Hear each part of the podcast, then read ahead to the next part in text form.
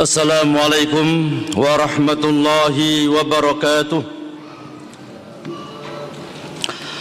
إن الحمد لله نحمده ونستعينه ونستغفره ونتوب إليه ونعوذ بالله من شرور أنفسنا ومن سيئات أعمالنا. من يهديه الله فلا مضل له ومن يضلل فلا هادي له. أشهد أن لا إله إلا الله وحده لا شريك له وأشهد أن محمدًا عبده ورسوله.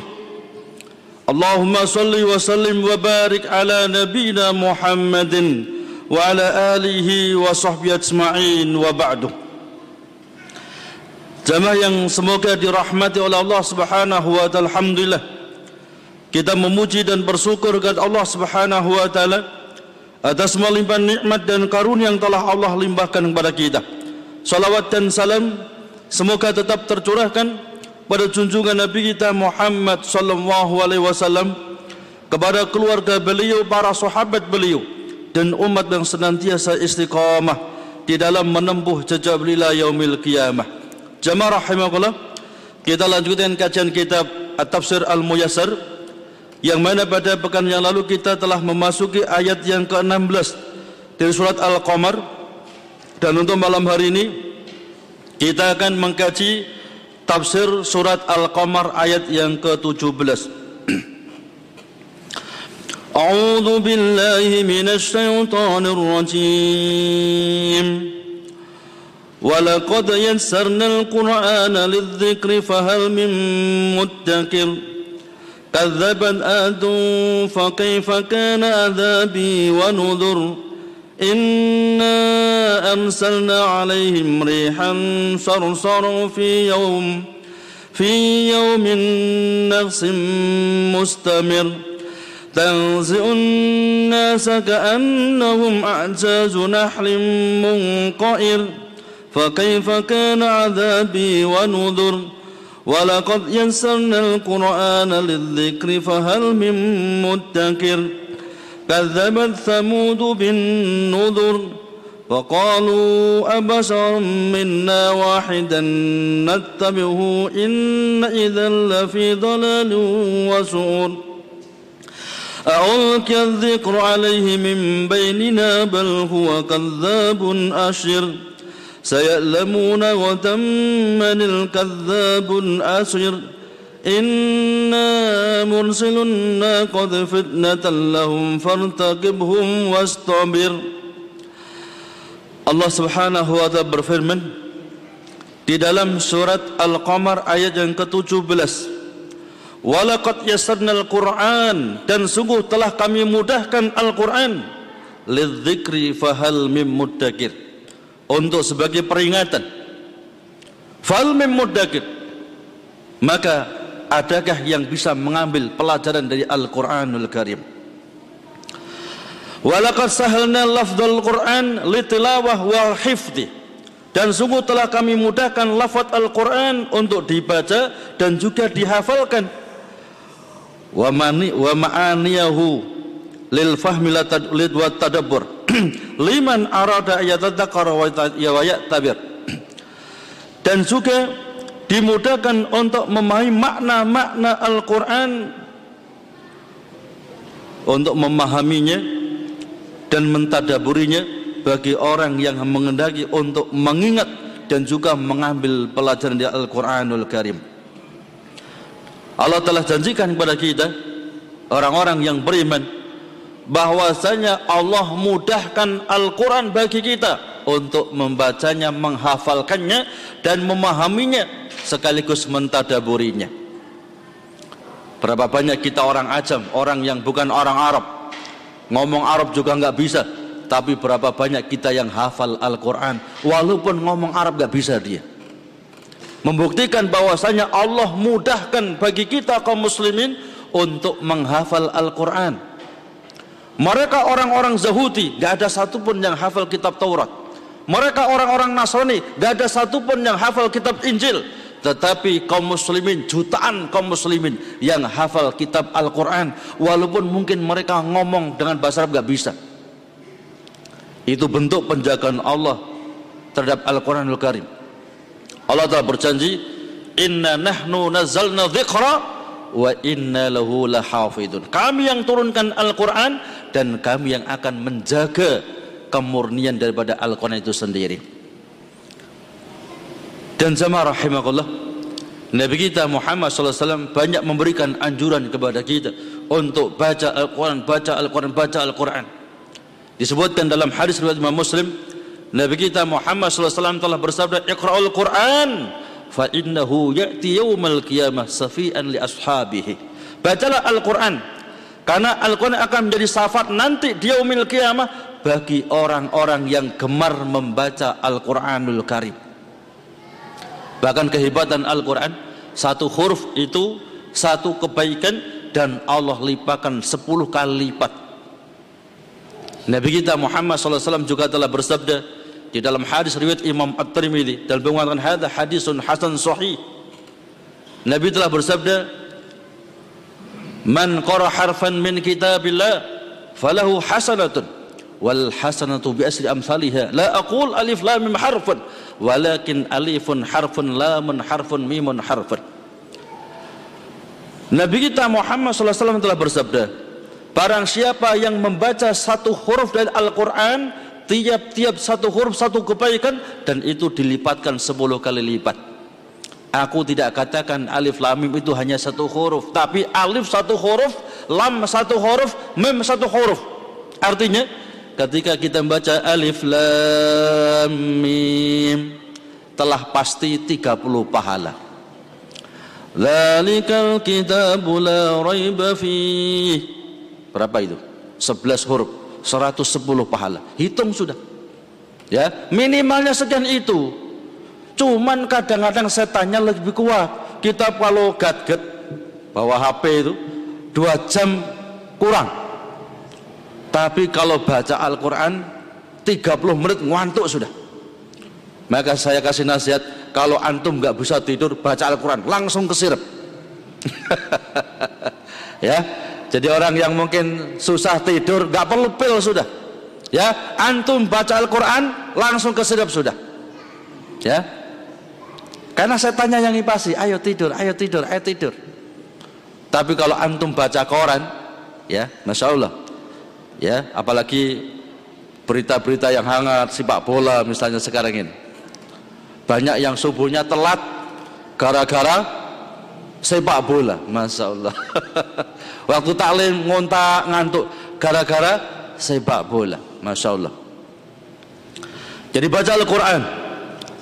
Karena satu huruf sepuluh kebaikan dan itu dikalikan sepuluh kali lipat oleh Allah subhanahu wa ta'ala. Bahkan termasuk kufur nikmat kita dikasih lesan yang sehat oleh Allah tapi nggak pernah digunakan untuk baca Al-Quran.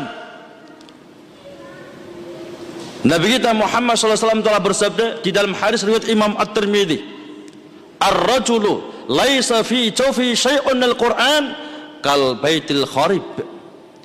Seseorang yang kerongkongannya tidak pernah dilafatkan untuk membaca Al-Quran itu seperti rumah rusak. Antum tahu rumah rusak? Kalau kita di dalamnya khawatir kebelekan sudah. Kita di pinggirnya juga khawatir kerubuhan sudah. Apa artinya? Orang yang lesannya jarang digunakan untuk membaca Al-Quran sangat membahayakan orang ini membahayakan untuk dirinya bahkan orang yang dekat-dekat dengannya ya jadi orang yang jarang baca Al-Quran itu membahayakan. Untuk siapa? Untuk dia sendiri. Sekaligus untuk orang-orang yang dekat dengan dia.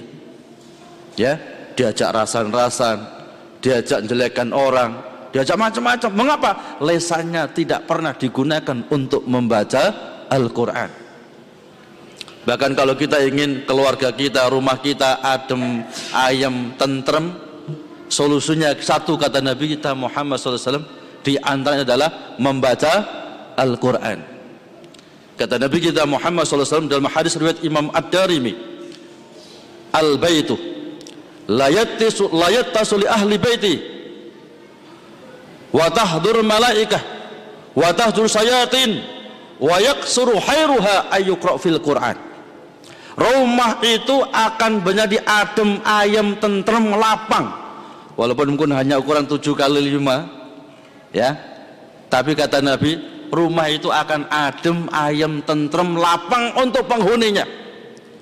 Dihadiri malaikat-malaikat rahmat dijauhi setan-setan. Ketika rumah itu banyak digunakan untuk dibacakan Al-Quran. Bahkan setan takut kalau kita membaca surat Al-Baqarah di dalam rumah makanya saya nasihatkan kalau antum beli rumah ya yang rumah itu lama tidak dipakai lima lama tidak dihuni ya jangan langsung digunakan tidur ya. Dibersihkan sekaligus dibacakan Al-Quran minimalnya surat Al-Baqarah. Kata Nabi kita Muhammad SAW inna syaitan la yafirru minal bait alladhi kuriya fihi suratul baqarah syaitan akan lari terbirit-birit terpentut-pentut jadi syaitan itu akan lari terbirit-birit dari rumah yang dibacakan surat Al-Baqarah ya karena ada kasus rumah yang lama nggak dipakai dibeli langsung tidur mulai satu-satu gila dimulai bapaknya gila dulu kemudian anaknya gila anaknya gila, ibunya gila, seluruh keluarga gila semuanya. Mengapa? Mungkin di antaranya itu digunakan ya penghuni sudah penghuni yang lain, yakni setan. Bahkan ada rumah yang dijadikan pasar oleh setan, mall kalau bahasa kita. Ya, apa benar? Benar. Gak main-main itu. Ya, dikira setan nggak punya pasar, mereka juga punya pasar. Seperti kita ini. Ya, kita ini punya pak kampung ada ya semat mereka juga sama semacam itu punya ya kalau bahasa kita punya lurah mereka juga punya pemimpin semacam itu. Sama ya. Mereka punya anak mereka punya istri. Bahkan anak mereka sangat jauh banyak jumlahnya. Melebihi anak kita. Kalau kita punya anak 10 banyak orang kaget kok ya. Berapa anaknya? 10 kaget sudah. Tapi kalau setan bisa bisa ribuan anaknya. Bahkan bisa jutaan ya.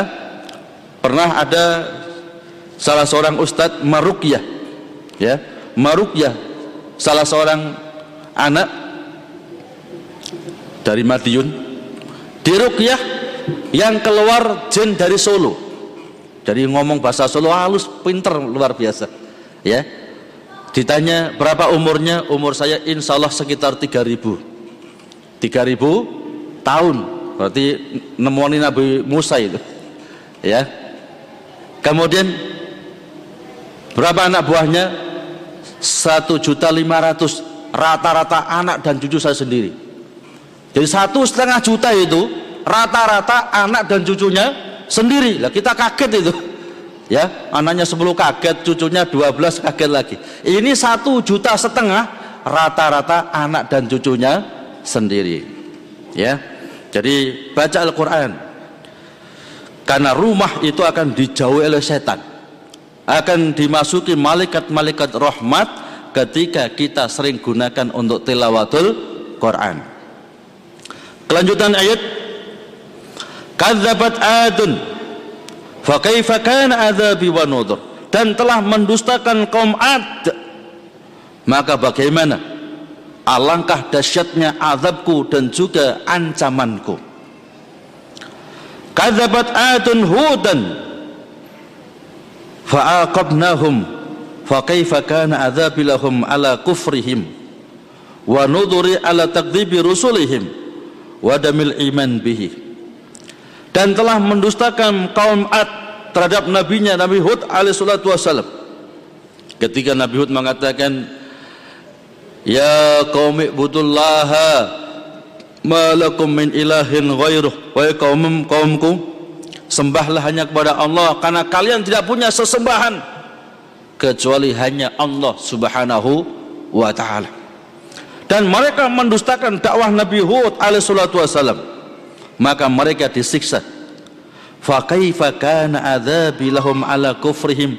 Maka alangkah dahsyatnya azabku terhadap kekufuran mereka dan alangkah dahsyatnya ancamanku atas orang-orang yang mendustakan rasulku Hud alaihi wasallam wa damil iman bi dan tidak beriman kepadanya. Inau kana aziman muallaman. Sesungguhnya adabku sangat ya sangat dahsyat dan sangat mengerikan. Ya jadi seluruh kaum Ad yang badannya gede-gede besar-besar dia ya dihabiskan oleh Allah. Nggak tersisa satupun. Ya. Mereka yang kufur kepada nabinya Hud alaihissalatu wassalam maka mereka diratakan dengan tanah. Meninggal semuanya. Dibinasakan oleh Allah Subhanahu wa taala. Dan itu memang sunnatullah. Ya. Merupakan suatu hal yang dilakukan oleh Allah bagi mereka umat-umat selain umat Muhammad sallallahu alaihi wasallam ya umat-umat selain umat Muhammad jadi umat Islam ini mereka ketika kufur langsung ditumpas habis sudah. Kelanjutan ayat Inna arsalna alaihim rihan sarsaran fi yaumin naqsim mustamir. Sesungguhnya kami telah mengirimkan kepada mereka kaum Ad rihan sarsaran angin yang sangat kencang. Fi yaumin naqsin. Pada hari nahas. Ya jadi nahsin itu naas kalau bahasa kita naas.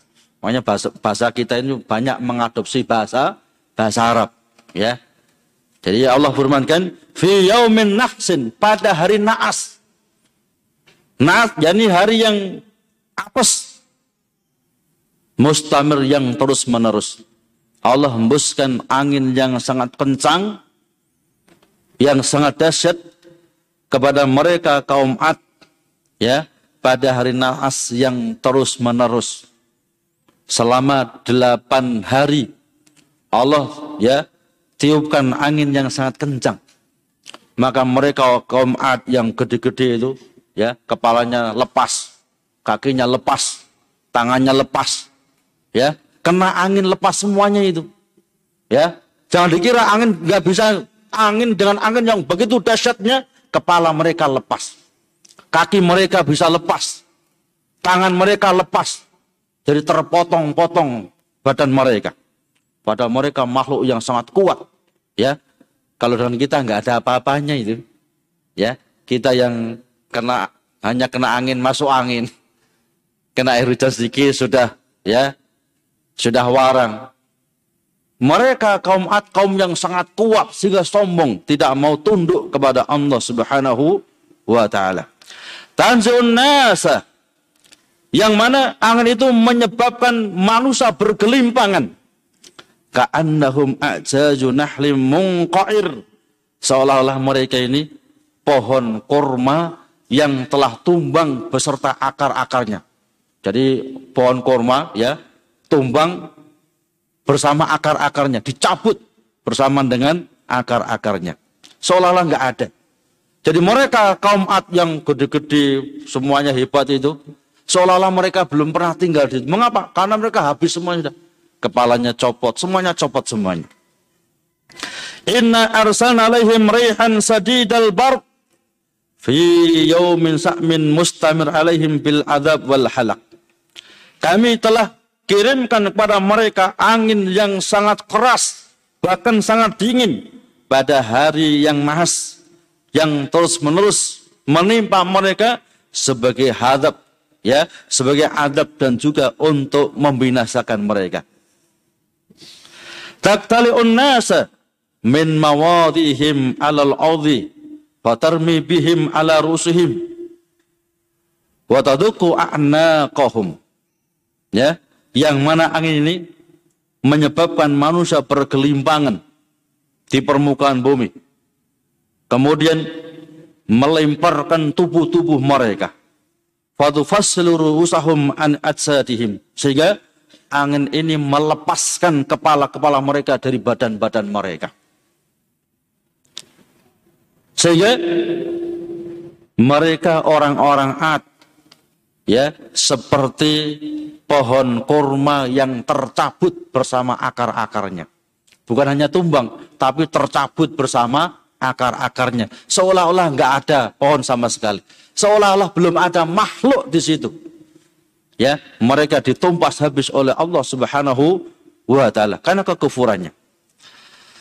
Kelanjutan ayat fa kaifa kana adzabi wa nudhur maka alangkah dahsyatnya azabku dan juga ancamanku. Wa liman maka alangkah dahsyatnya azabku dan juga ancamanku bagi orang-orang yang kufur kepadaku. Wa rusuli walam yu'min bihim. Sekaligus mereka mendustakan utusan-utusanku walam yu'min bihim dan mereka tidak mau beriman kepada rasul-rasulku.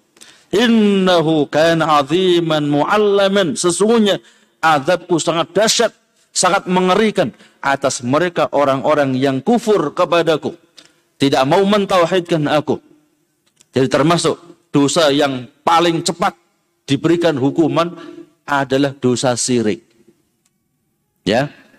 Orang biasa jimat, biasa sesaji, biasa sikap, ya, biasa sandingan.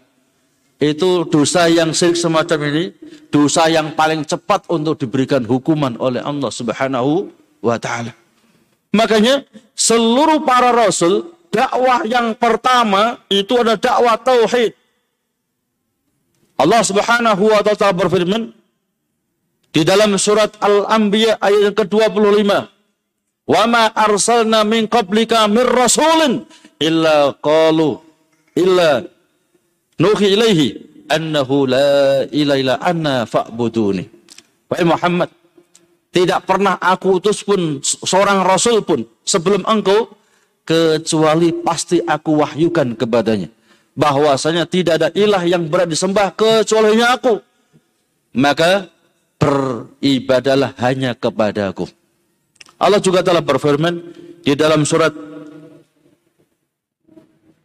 An-Nahl ayat 36. Allah telah berfirman, "Walaqad ba'atsna fi kulli ummatin rasulan an ibudullaha wajtanibut taghut." Dan sungguh telah kami utus bagi setiap umat seorang rasul agar mereka berdakwah, agar mereka menyeru anik budullah. Sembahlah hanya kepada Allah, wastanibut taghut dan jauhi penyembahan-penyembahan kepada selain Allah Subhanahu wa taala. Ya, apa ada orang nyembah kepada selain Allah? Banyak. Mau kaya ke Gunung Kawi. Mau kaya ke, ke, ke apa itu ke kuburan fulan-fulan, ya mau dagangannya laris ya ke kuburan fulan-fulan. Ya, setelah nyambang kuburan kok laris bener promosi sudah. Alhamdulillah ya dengan sebab nyambang kuburan fulan-fulan yang kemarin ya kemarin nggak laku sekarang laris manis ya ngajak untuk berbuat syirik ya dan manusia itu sangat mudah untuk berbuat syirik ya sering kita dengar ya di tempat-tempat bahkan dekat dengan kita. Dulu ada beberapa tahun yang lalu di Kedung Jajang itu hanya jamur. Ya, ada jamur yang besar ya, luar biasa besarnya. Ya, orang Bandung itu pakai bis. Kita orang Dawan Lor belum dengar, Bandung sudah dengar, masya Allah. Saya juga kaget waktu nyambang itu, mertua. Ya, kok banyak bis di sini, ya. Ternyata dari Bandung, ditanya dari Bandung, dari mana? Kok mereka sudah dengar? Yang dekat malah belum dengar. Ya, Alhamdulillah sekarang nggak ada sudah. Ya, bahkan untuk semakin yakin ternyata ada orang yang curang. Ya, dikasih apa itu toler yang kecil itu, ya, yang panjang, kemudian sampai di tengah-tengah tebu di sana dikasih asap, sehingga kalau malam-malam keluar asap. Semakin mantap orang untuk berbuat syirik. Alhamdulillah ketemu polisi sudah. Dan ternyata ini penipuan. Jadi orang yang doa di situ semakin mantap. Wih, ini asap, ada asapnya. Memang disebuli dari ya dari tengah tebuan itu. Ya, kita di sini kan belum dengar ya. Tapi orang Bandung berbondong-bondong bawa bis itu. Masya Allah. Alangkah mudahnya manusia berbuat syirik. Padahal hanya jamur. Ya, Apalagi nanti kalau datangnya Dajjal, ini banyak orang yang beriman pada Dajjal itu. Dajjal itu langit diperintahkan hujan langsung hujan. Sungai diperintahkan kering langsung kering. Tanaman yang mati di hijau langsung hijau, hijau kering langsung kering. Bagaimana orang tidak terfitnah itu? Ya. Bahkan jangankan sungai, danau suruh kering langsung kering. Maka ketika Dajjal mengaku Allah di bumi, banyak orang yang beriman. Makanya dahsyatnya fitnah Dajjal ini, Nabi mengajarkan kepada kita setiap sholat, baik sholat fardu ataupun sholat sunnah, untuk berdoa Allahumma inni a'udzubika min adzabi jahannam wa min adzabil qabri wa min fitnatil mahya wal mamat wa min fitnatil masihid dajjal. Kan nanti kalau dajjal sudah keluar banyak orang yang iman itu. Ya, disebutkan dalam hadis sahih Muslim ya, dalam kitabul fitan. Kata Nabi kita Muhammad SAW, nanti ada seorang laki-laki. Dia menghunuskan pedangnya. Saya akan cari dajjal dan akan saya penggal lehernya. Jadi dia menghunuskan pedang, kemudian mengatakan kepada orang-orang yang lain, saya akan cari Dajjal, kalau ketemu langsung saya penggal lehernya. Begitu ketemu Dajjal malah beriman kepada Dajjal. Dahsyatnya fitnah Dajjal itu. Ya. Makanya kalau dengar ada Dajjal di suatu tempat menjauh, jangan nantang-nantang. Jadi kalau ada fitnah itu jangan nantang-nantang. Ya, menjauh, aman sudah. Misalnya Dajjal di Probolinggo, jangan ngalor, ngidul sudah. ya, jangan nantang-nantang. Ya, jangan merasa pede. Wow, kalau saya wow, mesti kuat, mesti mampu. Ya, jangan.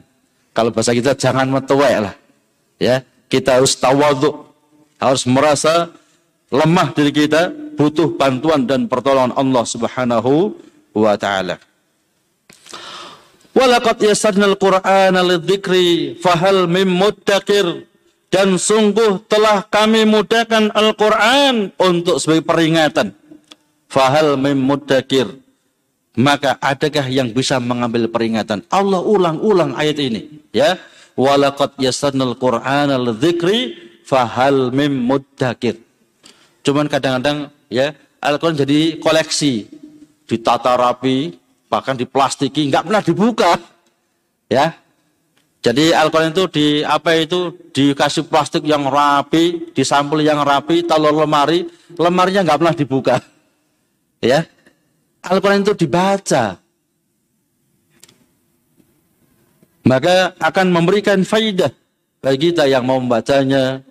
Minimalnya kalau kita nggak mampu bahasa Arab, minimalnya harus punya terjemahan Al-Quran. Harus itu. Ya.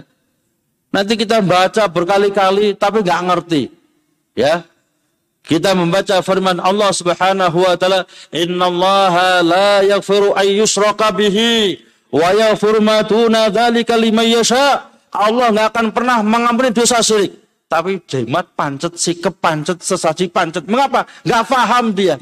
Apa yang dia baca nggak paham. Ya. Berapa banyak orang yang baca Al-Quran, membaca ayat ini, tapi sambil bawa jimat, sambil bawa sikap. Mengapa? Karena dia nggak paham apa yang dibaca. Maka minimalnya kita harus punya Al-Quran terjemahan. Minimal sudah. Ya. Supaya kita bisa mengambil pelajaran daripada apa yang dimaktubkan oleh Allah dalam kitab suci Al-Quran.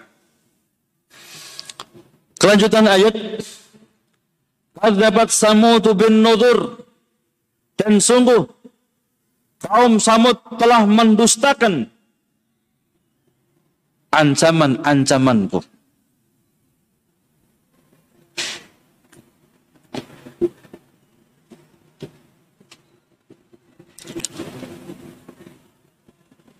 Faqalu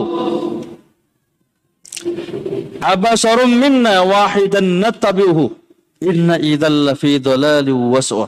Faqal, maka mereka mengatakan, Abasaran minna wahidan. Apakah kita akan mengikuti seorang yang hanya satu? Nattabi'u kita mengikutinya? Inna idzal fi dhalali was'ur. Kalau demikian, ya, kita hanya ngikuti satu orang, kebanyakan kita kan nggak nggak cocok dengan yakni Nabi Saleh. Kebanyakan kita kan nggak cocok, ya kata mereka, nggak cocok dengan Nabi Saleh. Kebanyakan kita nggak ada yang beriman kepada Nabi Saleh. Kalau kita ngikuti al Nabi Saleh,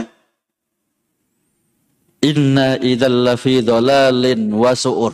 Sungguh kita di dalam kesesatan yang nyata wasur. Bahkan kita ini gila. Kita jumlahnya banyak ini. Hanya itu satu orang ya yang ngaku-ngaku nabi yang bernama Soleh. Ini perkataan daripada kaum Samud yang mendustakan kenabian yang dibawa oleh Nabi Soleh alaihissalatu wassalam. Kadzabat Samud wa hum qaum salih bil ayatil lati undiru biha. Mendustakan ayat-ayat yang telah diperingatkan kepada mereka. Faqalu. Mereka mengatakan, "Abasaran minna wahidan nattabi'uhu wa nahnu jama'atul kasirah wa huwa wahidun." Apakah kita orang yang banyak ini akan mengikuti satu orang ini yang bernama Saleh ini? Padahal dia sendirian nggak punya pengikut, nggak punya kekuatan, nggak punya kalau bahasa kita nggak punya backing. Masa kita mau ngikuti satu orang semacam ini? Inna ilan lafi bu'din anisawab wal junun. Maka kalau kita ngikuti Nabi Saleh yang dia nggak punya pengikut, dia juga nggak punya ya nggak punya kerabat yang bisa membantunya, dia hanya sendirian. Kalau kita mengikuti dia, inna idzal fi bu'tin anisab. Kita akan jauh dari kebenaran dan kita termasuk orang-orang yang gila. Masuk ngikuti orang yang satu saja. Mestinya kita ngikuti orang yang yang banyak. Ya. Padahal Allah telah berfirman, la in tuti aksar mang fil yudhilluka an sabilillah. Kalau kamu hanya ikut-ikutan kebanyakan manusia, maka kebanyakan manusia itu akan menyesatkan kamu dari jalan Allah Subhanahu wa taala. Yang kita ikuti ada kebenaran yang datanya dari Allah dan juga nabinya Muhammad sallallahu alaihi wasallam. Ya. Walaupun kita sendirian itu, selama yang kita jadikan patokan hukum adalah Al-Quran dan sunnah Nabi, hadis Nabi, dengan pemahaman sahabat Nabi, itulah al-sunnah wal jamaah. Kadang-kadang orang kan mengatakan al-sunnah itu kami, kan orang yang banyak. Betingnya paling banyak itu. Maka kami al-sunnah wal jamaah. Yang lain mengatakan, oh bukan. Ya, al-sunnah ya kami. Kami kan betingnya hanya sedikit ini. Ya, jadi ahli sunnah itu yang sedikit. Bukan hitungannya banyak sedikit. Hitungannya adalah siapa yang lebih lurus kepada firman Allah dan sabda nabinya Muhammad sallallahu alaihi wasallam.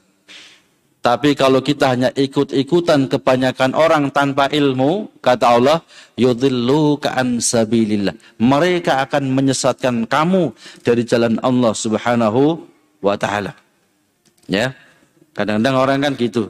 Yang penting umum sudah. Yang penting umum sudah. Ya. Walaupun nggak ada dalilnya, yang penting umum. yang penting ma'ruf. Ya kita praktekkan. Ya. Padahal nanti ketika yaumul kiamah kita dimintai tanggung jawab masing-masing itu.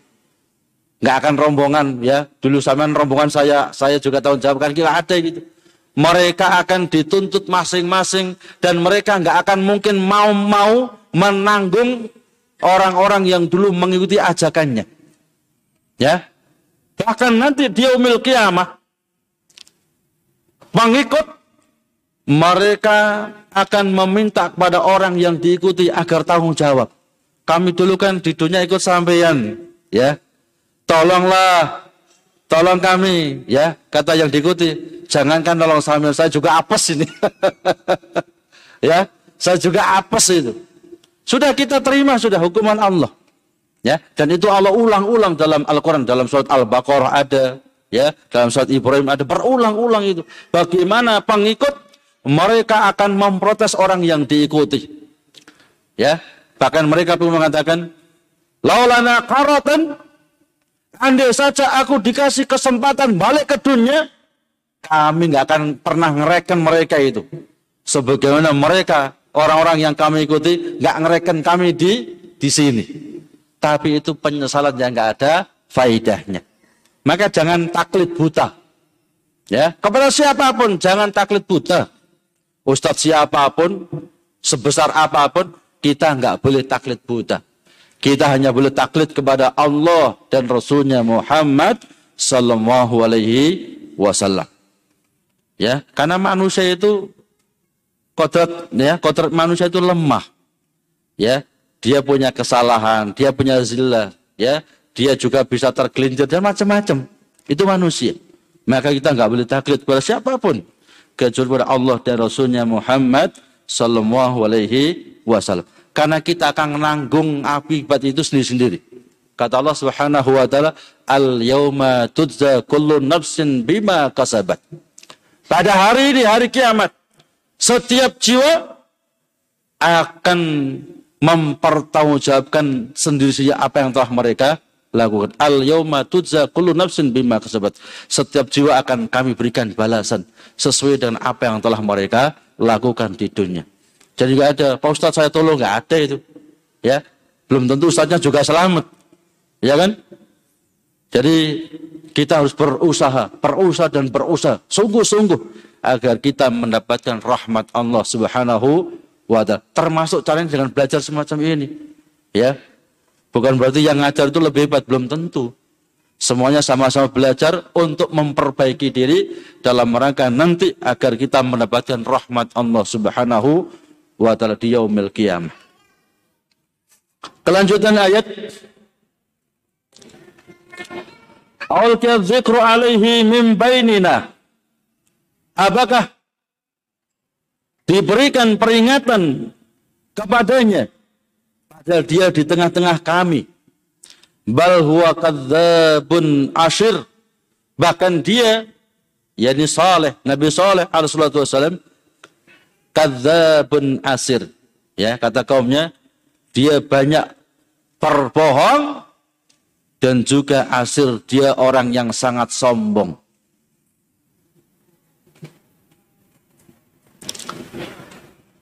Saya lamuna ghadan manil kadzabul asir. Maka mereka akan mengetahui kelak nanti di umil kiamah. Manil kadzabul asir. Siapa orang yang sombong itu? Siapa orang yang mendustakan itu? Dan siapa orang yang sombong? Jadi kaumnya Nabi Soleh mengatakan Sol, apa mungkin Soleh yang dikasih wahyu? Sedangkan kami ini orang banyak nggak dikasih wahyu itu. Ya nggak dikasih wahyu oleh Allah Subhanahu wa taala Padahal soleh ya di tengah-tengah kami. Sama-sama hidup bersama kami. Ya. Tidaklah soleh itu kecuali dia adalah kata pembohong, bahkan asir. Orang yang menyombongkan diri. Maka kata Allah subhanahu wa ta'ala, sungguh mereka nanti godan kelak nanti di umil kiamah akan mengetahui siapa sebenarnya yang pembohong dan siapa sebenarnya yang sombong.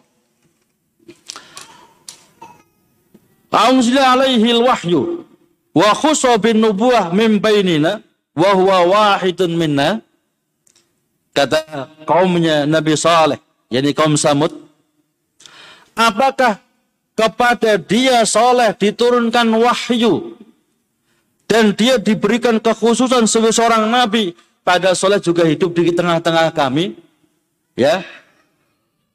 Dia hidup di tengah-tengah kami, makan, minum sama seperti kami, punya keluarga seperti kami. Mana mungkin dia dipilih jadi seorang nabi, mendapatkan wahyu, wong kami kok gak ada yang dapat, gitu loh maksudnya gitu. Bal huwa kasirul kadab wa Bahkan soleh adalah orang yang pembohong, bahkan seorang yang sombong. Sayaruna inda nuzulil adabihim fit dunya wa yaumil qiyamah amanil kadzabul mutajabbir. Maka kata Allah Subhanahu wa taala sungguh nanti mereka akan mengetahui ketika turunnya adab kepada mereka di dunia mereka akan tahu siapa sesungguhnya yang pembohong dan siapa sesungguhnya yang dia ini adalah sombong. Ternyata kaum Samud mereka yang pembohong dan juga yang sombong tidak mau beribadah kepada Allah Subhanahu wa taala. Ya, karena merasa badannya gede, besar, ya, kuat. Mereka kaum Samud ini rumah-rumah mereka itu dari bukit yang diukir. Ya, bahkan sampai hari ini masih ada bukti-bukti peninggalan mereka. Ya. Jadi rumah mereka itu bukit itu diukir. Ya, saking gedenya badan mereka itu. Ya. Jadi badan mereka besar-besar. Ya. Kalau dengan kita nggak ada apa-apanya itu. Kepalanya lebih tinggi dibandingkan badan kita. Ya, kita ini kira-kira 165, 170 ya kan? Tingginya kita loh, dengan kepalanya masih gedean kepala dia. Kaum Samud ini. Ya. Maka rumahnya itu dari gunung-gunung yang dipahat. Ya, bukit-bukit yang dipahat.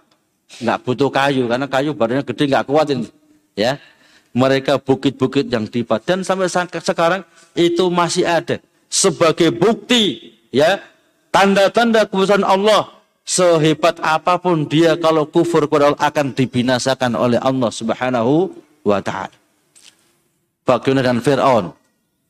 Firaun ini seumur hidup nggak pernah sakit itu. Ya, badannya kuat, sehat, nggak pernah batuk, pilek, demam, ya warang nggak pernah itu. ya, sehingga dia ngaku sebagai Allah. Karena dia nggak pernah sakit. Ya, merasa kekuatannya hebat. Kekuasaannya hebat.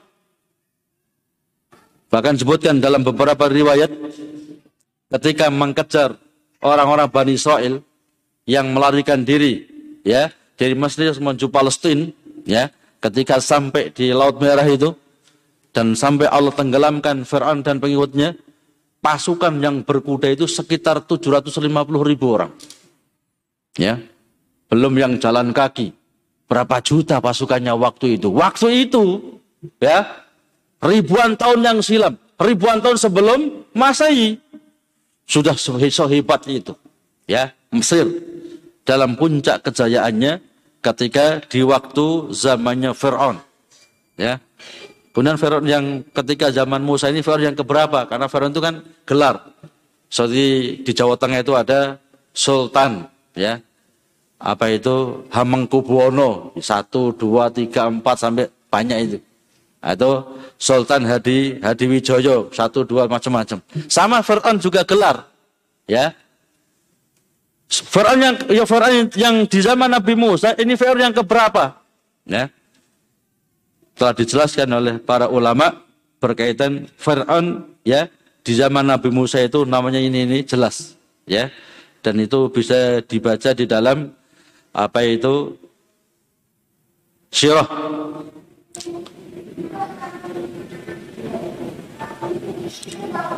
Jamaah rahimahullah Waktu telah habis Mudah-mudahan apa yang kita kaji pada malam hari ini memberikan taman ilmu dan wawasan ilmu bagi kita semuanya.